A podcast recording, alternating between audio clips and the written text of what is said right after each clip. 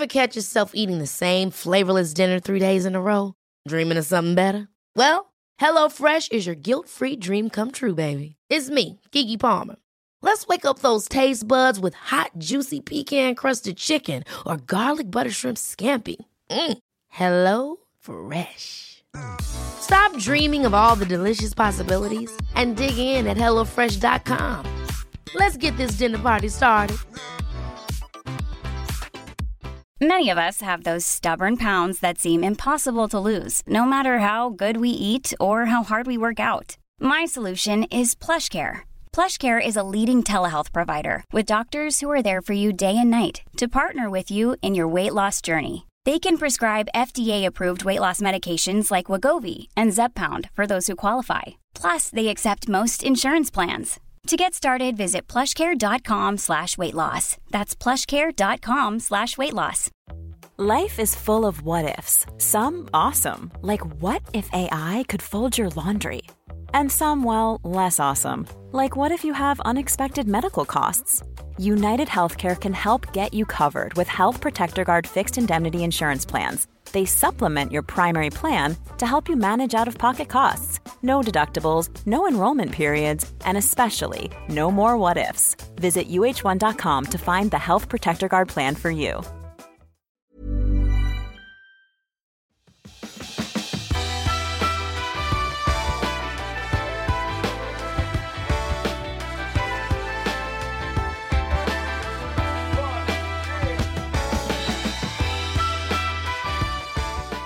Välkommen till Klimakteriepodden med mig, Åsa Melin. Nu kommer det faktiskt ett väldigt, väldigt intressant och efterfrågat avsnitt som Kristina Sundekvist har hjälpt mig med. Det handlar i grund och botten om att vi upplever oss mer känsliga och tål olika livsmedel sämre. Eh, många, inklusive jag själv, har också väldigt lätt att få huvudvärk av alkohol, känner av pollen på ett mycket tydligare sätt än tidigare eller har fått andra symptom som hjärtrusningar, trassel med magen på olika sätt. Och här kommer histamin in i bilden och det finns också kopplingar till stress, sömn och, surprise, könshormonerna.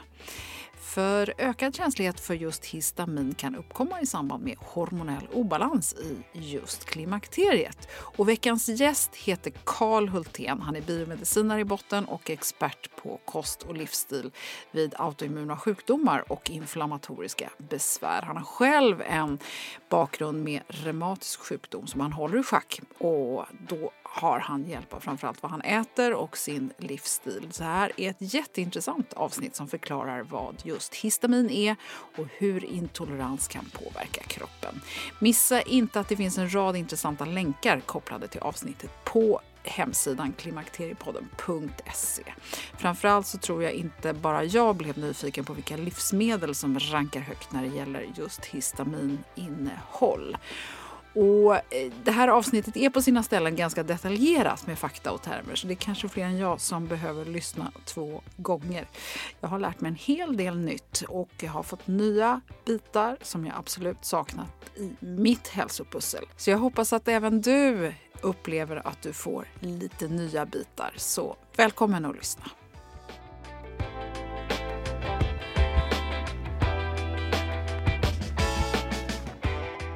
Då, Karl Hultén, säger jag välkommen till Klimakteriepodden.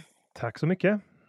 Eh, du är ju en person som sitter inne med väldigt mycket spännande kunskap och kompetens tycker jag. Du är i mm. grunden biomedicinare och eh, bland annat så träffar man på dig i sammanhang som har med autoimmunitet att göra. Autoimmuna sjukdomar, autoimmun livsstil och så vidare. Mm. Eh, och du har ju också skrivit den här fantastiska boken Autoimmun handbok som kom ut för några år sedan. Och den har du skrivit tillsammans med Anna Maria Norman. Och ni driver ju också det här företaget Paleoteket tillsammans. Du ska själv få presentera dig lite närmare och eh, då berätt, får du gärna berätta lite grann om vad ni gör på Paleoteket också, för det är också en väldigt spännande plattform tycker jag. Så berätta!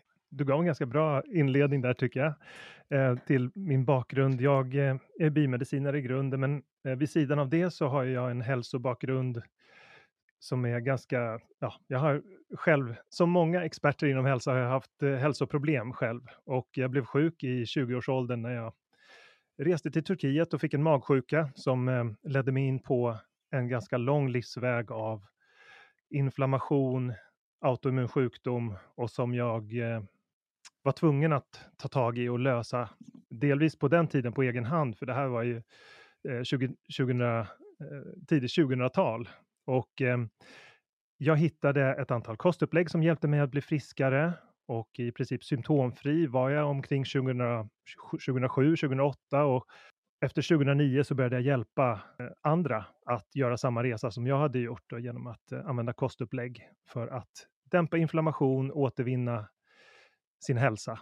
Och eh, sen 2016 så har jag drivit det här företaget som du nämnde, Paleoteket, tillsammans med Anna Maria Norman och vi gör ju då böcker, vi har onlinekurser, vi har en, en stor omfattande onlinekurs som heter AIP Masterclass som går igenom antiinflammatorisk kost.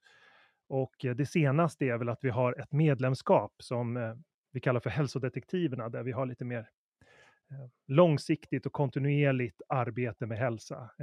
En, en gemenskap online med eh, resurser, exempelvis sådana resurser som vi ska tala om idag då med histaminintolerans, men också många andra besvär och kostupplägg. Eh, och där har vi också seminarier, medlemsträffar och frågestunder och så. Men ehm, just histaminintolerans är ju ett väldigt vanligt problem som många tampas med och där maghälsa och immunförsvar står i, i centrum. Så ja, det ska bli intressant att tala om det idag.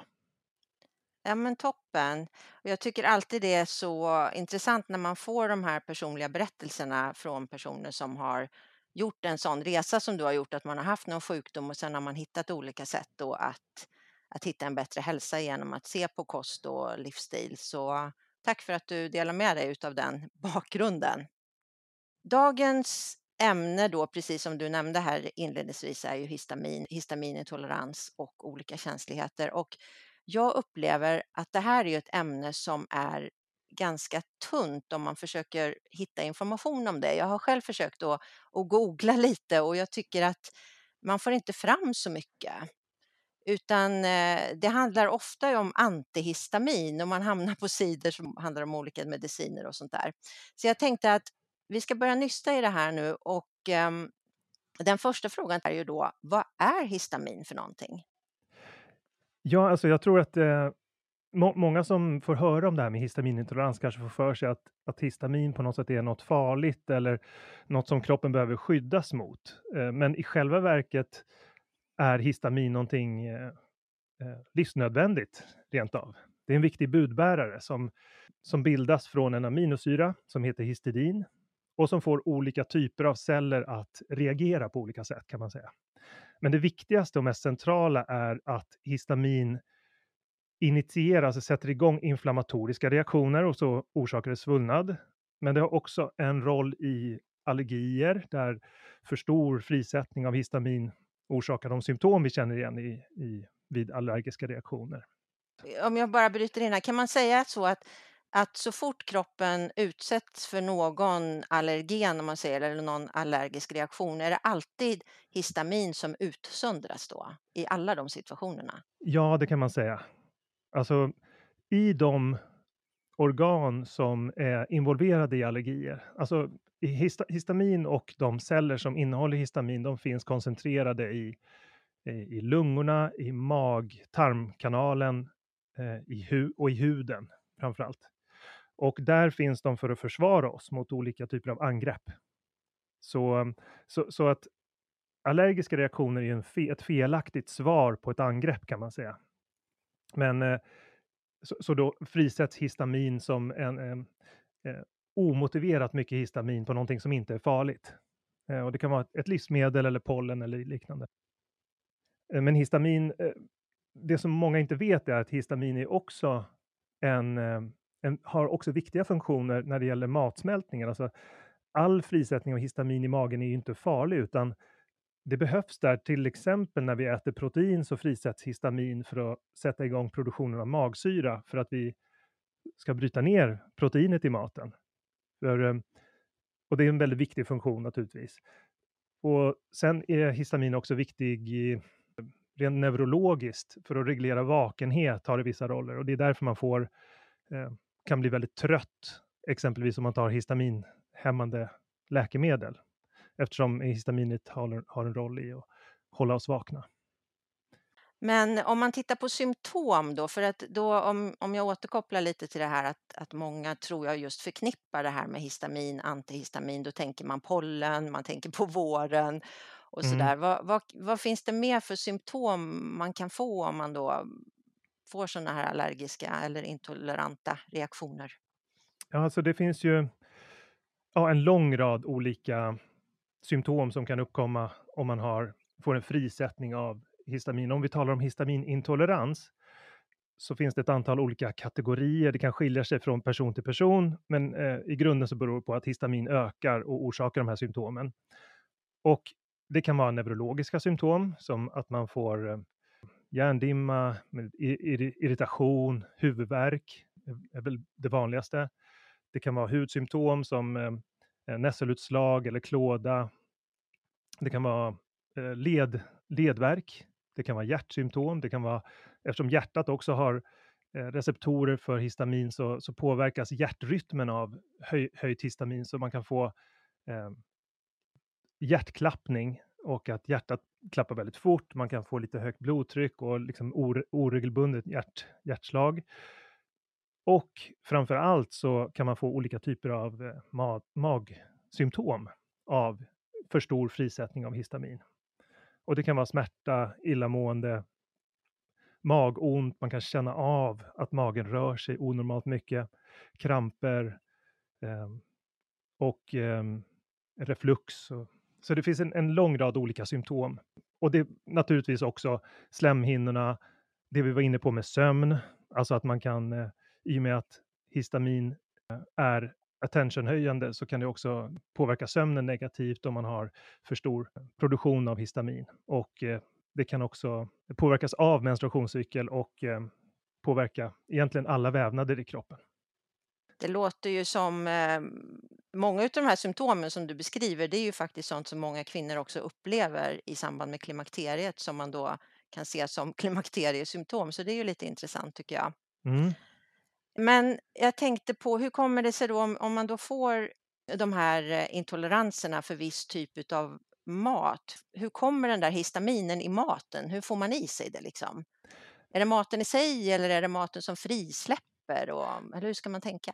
Ja, man kan nog säga att det finns två kategorier av, av livsmedel som eh, bidrar till det här med histaminproblem. Då. Den första kategorin är väl sån mat som innehåller histamin och den typen av livsmedel innehåller det för att den har på något sätt åldrats, alltså när, när någonting, en, en mat som antingen lagras eller fermenteras eller åldras eller mognar så uppstår mer histamin i ett livsmedel. Så det är det ena. Eh, och det, det påverkar till exempel eh, ja, fisk, så kan det vara som tonfisk eller sardiner som vi har lagrad. Eh, det kan vara ostar som också lagras, lagrade ostar.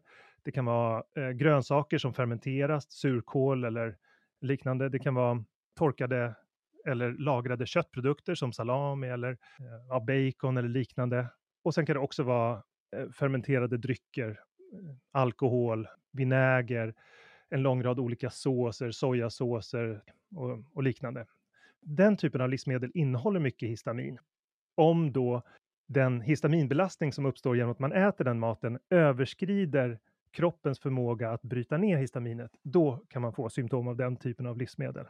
Men sen så finns det ju också histamin som är kroppseget, som finns redan i, i tarmen och som kan frisättas när vi äter olika saker. Och där, ett antal livsmedel som är aktiva där för att frisätta histamin eh, är citrusfrukter, ananas, choklad, eh, nötter och liknande. Även eh, tomater och spenat och så. Och, och de livsmedlen, de frisätter ju histamin som då finns i mastcellerna i mag-tarmsystemet. Egentligen så finns det två olika sätt att få för mycket eh, histamin. Antingen att det bildas mer histamin lokalt i magen som ett resultat av maten vi äter, eller att man äter för mycket histamin då, än man, mer än man tål. Och då så brukar man, jag har sett när jag har läst på lite, man brukar prata om någonting som heter, eller man kallar det för histaminhinken. Och det är väl lite det som du är inne på, att man, man kanske tål de här livsmedlen till en viss gräns, men om det blir för mycket, det är då kroppen reagerar. Ja, exakt. Histaminhinken, man, det är en väldigt bra beskrivning faktiskt, för den tar in både det här intaget, att det bildas för mycket eller att man äter för mycket, men också att nedbrytningen av histamin är otillräcklig, för det påverkar ju hur stor den här eh, histaminhinken då kan vara. Och eh, om man då till, för då har vi pratat, jag försöker koppla ihop de här sakerna lite grann, för då har vi pratat om livsmedel som vi äter. Om man då som lite grädde på moset där också då har en allergi mot pollen, vad händer då i kroppen? Ja, alltså om man har en allergi mot eh, pollen, då aktiveras ju mastceller som är en slags eh, vakter i, i lungorna, i luftvägarna. Och eh, de, eh, kan fris, de frisätter då histamin lokalt, men histamin är, har en egenhet att det tenderar att sprida sig i kroppen, så det sprider sig med cirkulationen och påverkar därför andra delar av kroppen. Ja, det man tar då är ju ett, eh, en antihistamin för att hämma immunförsvaret och, och hämma de här mastcellerna då, för, för att bli kvitt besvären. Och det är ju väldigt många som tar sådana läkemedel idag, särskilt nu på våren, Just det, så den här antihistaminen som man då tar, den dämpar ner mastcellerna då på något sätt så inte de utsöndrar så mycket histamin, kan man säga så? Ja, så kan man säga. Och det är ju ett sätt att minska den här egna. Det finns ju så många olika saker som kan orsaka höga histaminnivåer. Vi har varit inne lite på att tala om histaminrik mat och, och sådär. Men även allergier, både pollenallergier och matallergier kan ju orsaka för mycket. Och som vi inte varit inne på också, det här med dysbios och SIBO och sådana saker. Kan ju. Så det finns många olika saker som kan bidra till förhöjda nivåer. Då kan det betyda att har du då en pollenallergi och sen så äter du då livsmedel som innehåller histamin och sen så äter du livsmedel som frigör, då fyller du på den där hinken ganska rejält. Ja, precis. Och då märker man av det i form av de här symptomen som kan variera från person till person, men som är, ja, kan vara sömnpåverkan, migrän, hudutslag, luftvägsbesvär, liknande. Vi var ju lite inne på det här med nedbrytning också och då finns det ju ett enzym som mm. heter mm. DAO. Eh, vad är det det heter på riktigt? Diaminoxidas. Kan du berätta lite om det? Ja, man kan säga att eh, diaminoxidas är det viktigaste enzymet för att kontrollera nivåerna av histamin i kroppen. Och det, det finns eh, egentligen i, eh, det, alltså det bildas, det bildas i tarmväggen och eh, i njurarna och eh, även i placenta faktiskt, eh, när, när mödrar är gravida, för att, för att barnet ska få en god maghälsa. Och diaminoxidas behövs helt enkelt för att vi ska ha en bra maghälsa. Så det bildas där, framförallt i tarmväggens celler, och det transporteras sen till övriga kroppen från magen med lymfsystemet. Så det betyder att diaminoxidas som bildas i magen transporteras eh, faktiskt med samma system som transporterar fett, alltså med lymfan och eh, när vi äter fett, eh, mer fett, så, så, så kan eh, diaminoxidas transporteras bort från tarmen och ut i kroppen och gör nytta i andra delar av kroppen. Och då, det, det diaminoxidas gör egentligen, det är att det tar tag i histamin och bryter ner det när det får chans. Och eh, det, är inte, det är visserligen inte det enda systemet för nedbrytning av, av eh, histamin, utan det finns också någonting som heter histaminmetyltransferas. Alltså histamin kan också inaktiveras där det verkar ute i kroppen. Alltså den, man kan säga att histamin binder in till de här målcellerna som vi pratade om. Det kan vara egentligen var som helst i kroppen och när det ska sluta verka så måste det brytas ner. Och då ska det brytas loss från den här receptorn och det gör eh, histaminmetyltransferas. Så ehm, ja, det är mindre viktigt, men det verkar ju enbart i hjärnan till exempel så är just eh, metylering det sätt som histamin inaktiveras. I övriga kroppen så är diaminoxidas, eh, DAO, eh, viktigast. Och det vad jag förstår, det är väl också ett eh, preparat som du kan eh, ta som om du då har den här intoleransen eller om du vet att du ska äta histaminrik kost så kan man ta tillskott utav den här enzymen, eller hur? Ja, precis. Det finns, eh, man kan väl säga att det finns eh, några olika sätt att ta reda på om man har histaminintolerans. Och det, är ju det sättet som jag förespråkar är ju att en låg histaminkost, en variant av paleokosten som också är låg histamin, det tycker jag är det bästa sättet att undersöka om man har det. Men ett alternativ till det är att ta ett sådant tillskott som du nämner nu, Dausin exempelvis, och se om det gör skillnad för symptomnivån. Sen, ja, jag tycker väl att det enklaste och effektivaste är att bara testa en vecka med låg histaminkost. Och för de flesta så visar det sig på en vecka om man har histaminintolerans eller inte, för då hjälper kosten direkt att avhjälpa de symptom man har. Okej, så då kör man någon, någon sån här elimineringskost och testar och, och testar själv då ifall man märker någon skillnad ifall man tar bort de här livsmedlen? Ja, det är den metod som de absolut flesta använder. Och det finns väl ändå, vi, vi pratade ju lite inledningsvis här om att det var, kanske inte fanns så mycket information, men just om man vill följa sådana kostupplägg så kan man väl ändå hitta ganska mycket ifall man söker? Ja, det finns en hel del och eh, vi har ju en guide på hälsodetektiverna förstås. Sen finns det också någonting som heter SIGI, eh, S-I-G-H-I, som publicerar en lista hur histaminaktiverande effekt olika livsmedel har. Eh, den listan går enkelt att hitta och då, då har de liksom klassat livsmedel i klass 0, 1, 2 eller 3 i förhållande till hur mycket histamin de misstänks frisätta. Då. Mm, vad bra. Nej, men det kan vi ju dela med oss av lite sådana länkar här sen också ifall man är intresserad.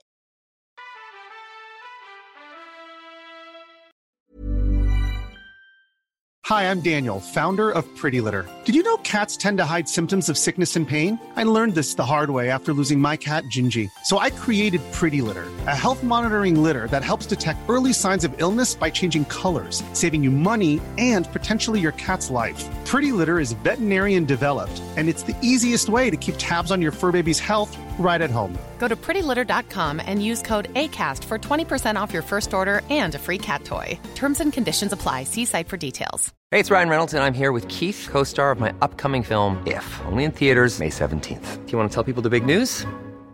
All right, I'll do it. Sign up now and you'll get unlimited for $15 a month in six months of Paramount Plus Essential Plan on us. Mintmobile.com slash switch. Upfront payment of $45 equivalent to $15 per month. Unlimited over 40 gigabytes per month. Face lower speeds. Videos at 480p. Active Mint customers by 531.24 get six months of Paramount Plus Essential Plan. Auto renews after six months. Offer ends May 31st, 2024. Separate Paramount Plus registration required. Terms and conditions apply if rated PG. Many of us have those stubborn pounds that seem impossible to lose, no matter how good we eat or how hard we work out. My solution is PlushCare. PlushCare is a leading telehealth provider with doctors who are there for you day and night to partner with you in your weight loss journey. They can prescribe FDA-approved weight loss medications like Wagovi and Zepbound for those who qualify. Plus, they accept most insurance plans. To get started, visit plushcare.com slash weight loss. That's plushcare.com slash weight loss.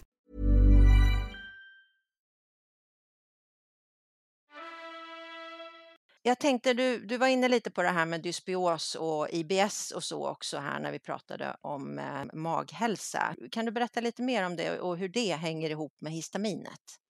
Ja, alltså maghälsa är liksom det helt centrala när det gäller produktionen av diaminoxidas. Eftersom diaminoxidas produceras i toppen av tarmluddet så, så blir det någonting som drabbas hårt av att vi får en försämrad miljö i magen och det kan uppstå en försämrad miljö av flera olika orsaker.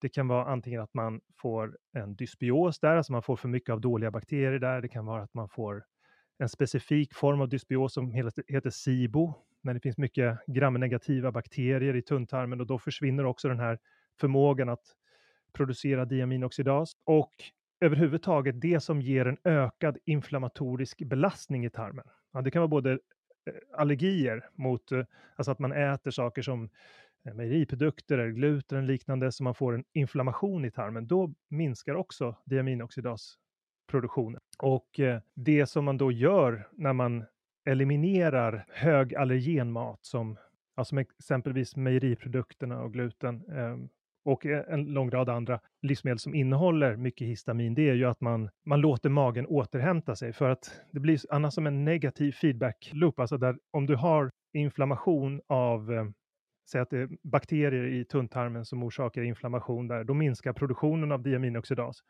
Samtidigt så gör de där bakterierna, de producerar i sig själva histamin. För de eh, eh, bryter ju ner mat som vi Säg att vi äter en proteinrik måltid och så har vi SIBO samtidigt. Jag tänkte bara SIBO, kan du förklara lite kort vad det är? SIBO står för Small Intestine Bacterial Overgrowth och betyder att man har en överförekomst av bakterier i tunntarmen. Eh, egentligen alla typer av bakterier har förmåga att bryta ner protein eller framförallt aminosyran histidin till eh, histamin. Så det bildas histamin i allting som bakterier rör vid kan man säga. Och det är alltså samma sak som sker när vi syrar grönsaker som sker i tunntarmen kan man säga. Så att eh, när vi syrar maten i tunntarmen där den inte ska syras, utan den ska ju bara absorberas egentligen i tunntarmen. Men om den istället syras där så uppstår ju histamin samtidigt som inflammationen gör att diaminoxidas inte bildas i lika hög mängd som tidigare. Så då kan det bli en negativ eh, cykel där, där man får för stor produktion samtidigt som man förlorar förmågan att bryta ner. Okej, så om man då har en um, dysbios, alltså en obalans i magen och eh, alldeles för mycket bakterier som inte ska vara där så kan man då få en större risk att bli intolerant mot histamin. Ja, Kan precis. det vara så? Ja. Absolut, och det eh, ofta så är SIBO eller ja, det manifesterar, det visar sig ofta som mag-tarmproblem som IBS när man har SIBO. Och eh, lösningen på det är att, eh, att tillämpa en kost som inte orsakar inflammation i, på samma sätt, som inte innehåller lika mycket allergener, som inte innehåller vissa typer av fibrer i vissa fall. Att det, eh, jag anser att en, en, en paleokost är en väldigt bra sätt att, eh, att börja för att återvinna maghälsa. Och då just SIBO är liksom ett, det är så dålig maghälsa manifesteras. Det är ett exempel på hur en eh, inflammationsskapande kost kan, eh, kan skapa en dysbios exempelvis. Okej, det här är ju jättekomplext alltså med alla de här olika sakerna. Men då, då tänker jag så här med en gång att äh, det finns ju väldigt många som får en, eh, framförallt en IBS-diagnos och det är ju också ganska vanligt bland kvinnor och då kanske man stannar vid den diagnosen och egentligen så kanske det är histaminlivsmedlen man skulle börja titta på mer då. Ja, alltså det, det finns ett stort överlapp med eh, alltså histaminintolerans och eh, SIBO exempelvis. Och eh, ofta, jag skulle nog säga att histaminintolerans, det är snarare en bieffekt av en dålig maghälsa. Det är som ett symptom på att man äter saker som man inte riktigt tål och det har resulterat i att eh, också tarmfloran har gjort ett skifte. I de flesta fall så är det där väldigt lätt att, att återställa Men du, jag tänkte nu här, vi har ju då um, väldigt många kvinnor som upplever när de kommer upp då i eh, ja, men åldern runt klimakteriet här 40 plus eller någonting att eh, de får dels lite mer magkänslighet och sen att man då också eh, känner av att man blir mer allergisk både när det gäller slemhinnor och så känslighet i magen och många har ju då också kommit på det här med att det finns någonting som heter histaminintolerans. Hur hänger det här ihop med våra könshormon? Finns det någon koppling? Ja, alltså mastcellerna som, vi har pratat lite om mastcellerna som då kan frisätta histamin. De har eh, mottagningsreceptorer för både östrogen och progesteron, som är två viktiga hormoner. Kanske viktigast är östrogen. Och eh, om man tänker då kring, kring eh, övergångsperioden av klimakteriet, där går ju östrogennivåerna upp och ner ganska mycket. Och det betyder att eh, under vissa perioder så så stimulerar östrogen mast, mastcellerna då att frisätta histamin. Och eh, samtidigt så påverkar, när, när man får väldigt högt eh, östrogen så, så minskar också diaminoxidas. Då kan man säga att progesteron har den motsatta effekten på, på mastcellerna, alltså stabilisera mastcellerna och uppgradera, uppreglera diaminoxidas. Så det kan då reducera histamineffekten. Men eh, just under övergångsperioden så kan det bli ökade problem på grund av att östrogeneffekten helt enkelt. Och det är samma östrogeneffekt som också många kvinnor känner av under, under månadens cykel. Alltså när menstruationscykeln, eh, när östrogenet är som högst, alltså under ägglossningen och så eh, no- några dagar innan menstruationen, då kommer också diaminoxidas att gå ner något. Och histaminfrisättningen var potentiellt högre. Så det här låter, om jag, om jag fattar det rätt, så låter det som om man då är eh, östrogendominant, som många kvinnor är, framförallt då kanske i förklimakteriet, när östrogenet ligger högre än progesteronet, då skulle det kunna ställa till ganska mycket här då med histaminet just i den perioden. Ja, precis. Det, det har en väldigt kraftfull effekt på mastcellerna och ökar. Det gör så att de blir, ökar sina mottagare för histamin så att de kan åter, de aktiveras lättare helt enkelt. Och till detta då så kommer ju också att, att våra slemhinnor då också blir mycket, mycket känsligare. Så att det, kan det också då spä på att man känner av att man har mer allergiska reaktioner, kanske just när man talar om pollen och, och sånt? Ja, absolut. Jag menar, under perioder där slemhinnor är ansträngda så minskar produktionen också av diaminoxidas och mastceller aktiveras ju lättare när man har en redan inflammerad och röd slemhinna oavsett var den slem, slemhinnan befinner sig, om det är i ögonen eller svalget eller i, eller i magen. Så är det egentligen samma typ av försvar som sitter där och samma typ av aktivering, alltså att eh, histamin kan aktiveras och frisättas, eh, både luftvägar och mage och svalg och så. Men om vi går tillbaks till eh, våra könshormoner, då tänkte jag här en följdfråga då på, då pratar vi om att östrogendominans då kanske kan ställa till det lite grann. Eh, när man då har passerat menopaus så ligger ju både progesteronet och östrogenet eh, lågt. Betyder mm. det då att eh, om man då har besvär under själva övergången att de då skulle bli ehm, bättre när vi har passerat menopaus? Rent erfarenhetsmässigt så ser vi hur människor som, eller kvinnor som har gått igenom menopausen också kan ha histamin. Alltså det, det här är ju bara en av ganska många olika bidragande orsaker. De hormonella faktorerna är ju viktiga. Och som vi var inne på där så har progesteronet en skyddande effekt och eh, östrogenet kan ha en stimulerande effekt på, på histamin och sådär. Men, men det är många andra saker också. Det är både eh, vitaminstatus, metyleringsförmåga, genetik i viss mån, många andra faktorer som bidrar om man blir histaminkänslig eller inte. Hur menopausen påverkar generellt, jag tror inte det finns så mycket forskning på det egentligen, det finns bara lite anekdoter och sådär. Om vi pratar om den här klimakteriefasen så blir vi ju också mycket, mycket känsligare för stress. Mm. Eh, och hur kan, kan det också påverka histaminkänslighet, att man har en stressad kropp? Ja, men absolut. Alltså psykologisk stress eh, bidrar också till frisättning av histamin.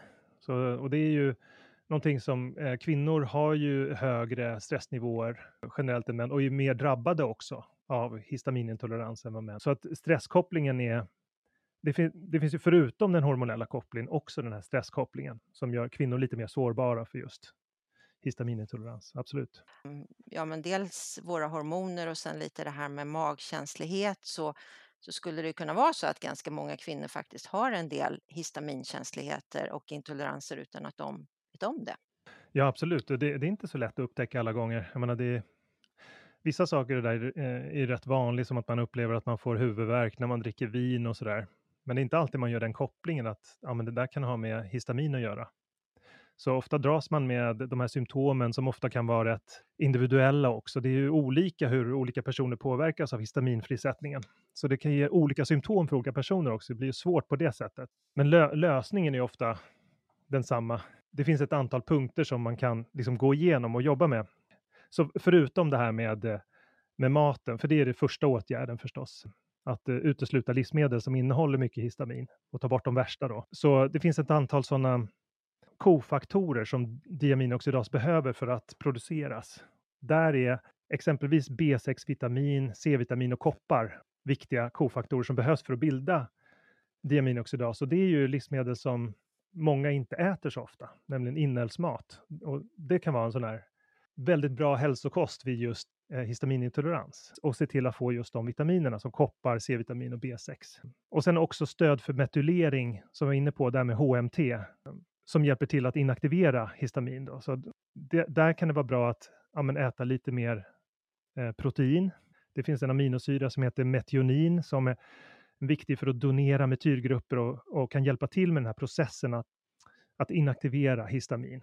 Och, och, där finns också B12, vitamin B12 som hjälper till att återupprätta eh, metionin när det har donerat sin metylgrupp. Så att man kan säga att livsmedel som innehåller mycket B12 och mycket protein är väldigt fördelaktiga. Där är återigen inälvsmat och kött och fisk, fågel och så. Kanske mer åt rött kött egentligen. Även järn och svavel och zink och A-vitamin är enzymer som behövs för, för metylering. Så det finns mycket av i inälvsmat och i, i animalier. Så om man äter bara veganskt? Det går att göra en, en låg histaminkost med vegankosten, men det går inte att öka sin förmåga till metylering eller sin produktion av diaminoxidas. D där kan det finnas svagheter som beror på näringsbrister då, som B-vitaminkomplexet, B6 är väldigt viktigt och B12 är viktigt som jag nämnde. Även zink, järn och, eh, och fosfor, det är viktiga näringsämnen som man ofta får brist på. Framförallt B12. Och då blir det svårt med metyleringen där. Då, då, kan det bli att man kanske bibehåller, man kanske kan kontrollera mycket av symptomen genom en elimineringskost, men i längden blir det svårt att, att ha en bra maghälsa. Problemen kvarstår ofta. Då kan man inte bli kvitt roten till problemen så att säga. Ja, just det, en, en bortglömd sak var också det här med läkemedel. För det finns ett antal läkemedel som kan stänga av eh, produktionen av diaminoxidas och, och, som kan bidra till att man får eh, kvarstående symptom. Då, så det kan vara viktigt att känna till dem så att man inte eh, stöter pannan i väggen när man, när man försöker med elimineringskost och så. Och det är eh, magsyradämpande läkemedel som är väldigt vanliga. Och eh, SSRI-preparat är också sådana som kan försämra. Det finns en lång rad läkemedel som smärtstillande, blodtryckssänkande och just de här magsyrahämmande som försämrar maghälsan och då när maghälsan försämras så Eh, försvinner eller minskar också produktionen av diaminoxidas. Så att de, de kan man ju känna till då.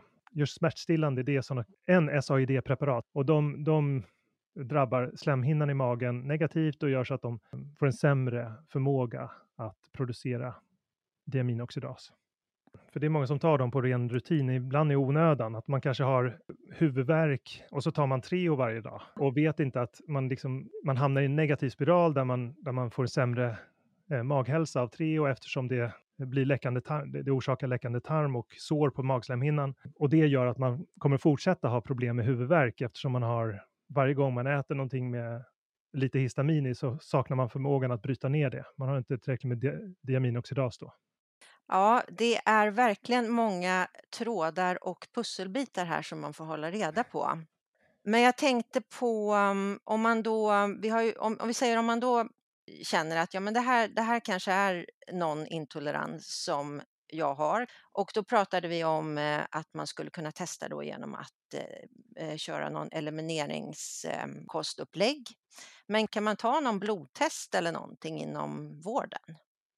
Eh, ja, det finns, eh, alltså, eh kanske inte inom den konventionella vården, men eh, på många funktionsmedicinska mottagningar så kan man testa för diaminoxidas. Alltså har man låga nivåer så får man ofta histaminintolerans och så. Så det, det är, det är en alternativ väg till eh, elimineringskosten. Man kan alltså, kan man gå till sin vårdcentral och säga att jag tror att jag är intolerant mot eh, histamin? Eh, nej, jag tror inte de godkänner det. Alltså det här är ett område som inte är super det är möjligt att man har på allergimottagningar så använder man ju i vissa fall elimineringskost och sådär, men det är väldigt svårt att komma dit. Och det här är mm, någonting som förmodligen skulle tolka, alltså histaminintolerans skulle förmodligen tolkas som något helt annat. Eh, och man skulle kanske få uppmaning att bara ta en huvudvärkstablett. Eller olika typer av eh, krämer med eh, kortikosteroider om det är hudsymptom eller, eller Pulmicort eller liknande om det är något från luftvägarna. Jag tror inte den konventionella vården i Sverige känner till histaminintolerans, men det, det, det finns nog på enstaka jag, jag, är inte helt säker på det här, men jag, jag, jag, tror att det finns säkert på enstaka specialistmottagningar i Sverige, men det är nog inte något som de flesta känner till ute på vårdcentralerna. Nej, men då, då är ju den här informationen som du har gett oss här idag, den är ju superintressant att kunna ta del av, tänker jag, så att man i varje fall eh, få lite mer information om vad det här är för någonting och, och vad olika symptom faktiskt kan vara om man vill förstå sin hälsa och bakomliggande faktorer lite bättre. Och det är ju så otroligt enkelt att testa en låg histaminkost. Alltså bara testa en en paleo-variant av låghistaminkost som då är fri från mejeriprodukter och eh, även nötter och lite sådana saker. Men egentligen är det en väldigt magvänlig kost som man testar under en vecka och märker man att symptomen försvinner då så är det, det är egentligen det bästa svaret. Ibland kan man till och med hitta genom samband med vad man äter, alltså att man får huvudvärk efter man har ätit rökt eh, makrill till exempel. Eller att man dricker vin och får huvudvärk. Ja, men då, eh, det kan ju räcka bara det för att man ska börja misstänka histaminintolerans. Men du, en kort fråga där. Får man de här symptomen direkt efter man har ätit eller kommer det senare?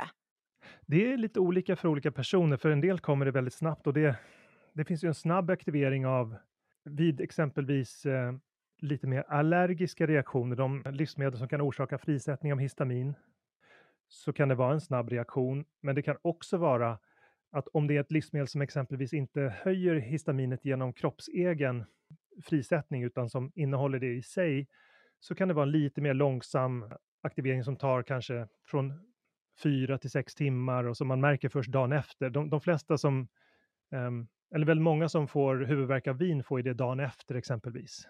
Och eh, medan andra livsmedel kan ge väldigt omedelbara symptom, särskilt sånt som rör eh, luftvägar till exempel kan man känna av, eller reflux eller aktivering av mastceller i svalget eller i lungorna.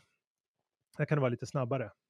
Ja, men det är också bra att känna till. Men då, då kommer det i varje fall, om det är antingen inom några timmar eller dagen efter, det är inte en sån att du får en reaktion flera dagar efter, utan det kommer i varje fall inom ett dygn då kan man säga.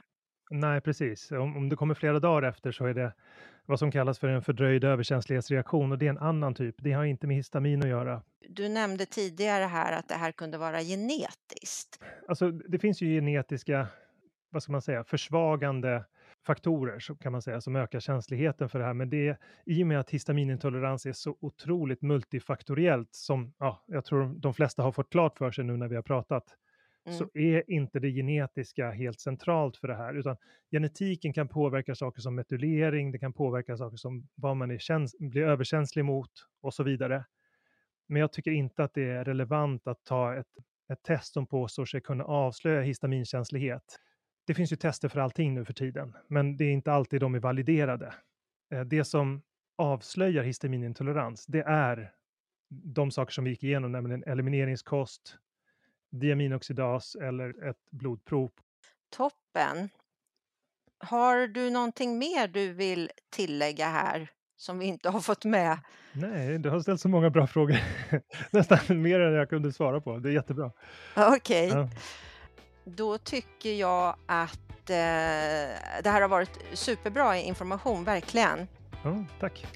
Och eh, då tackar jag dig för din tid och eh, för att du ville vara med i Klimakteriepodden. Tack så mycket.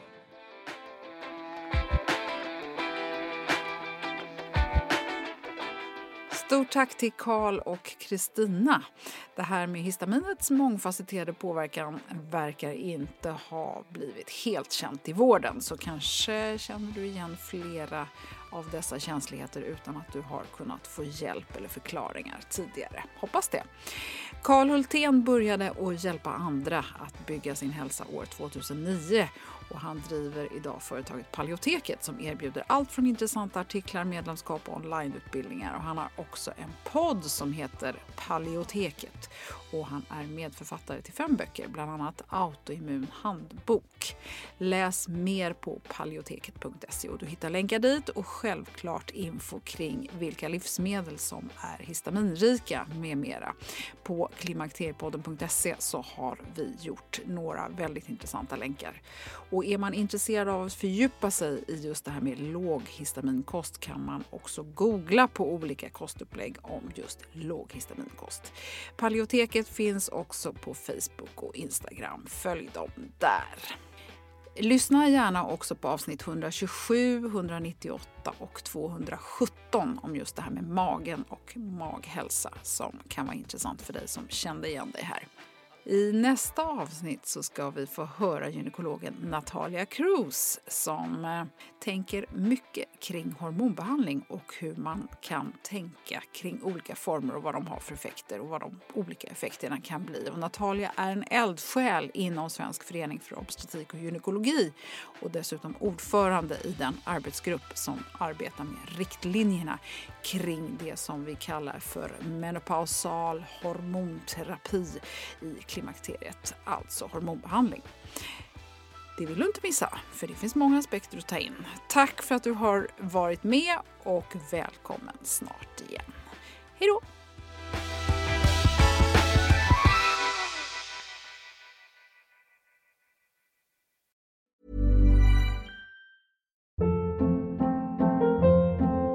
Hold up. What was that? Boring. No flavor. That was as bad as those leftovers you ate all week. Kiki Palmer here, and it's time to say hello to something fresh and guilt-free. Hello Fresh. Jazz up dinner with pecan-crusted chicken or garlic butter shrimp scampi. Now that's music to my mouth. Hello Fresh. Let's get this dinner party started. Discover all the delicious possibilities at hellofresh.com.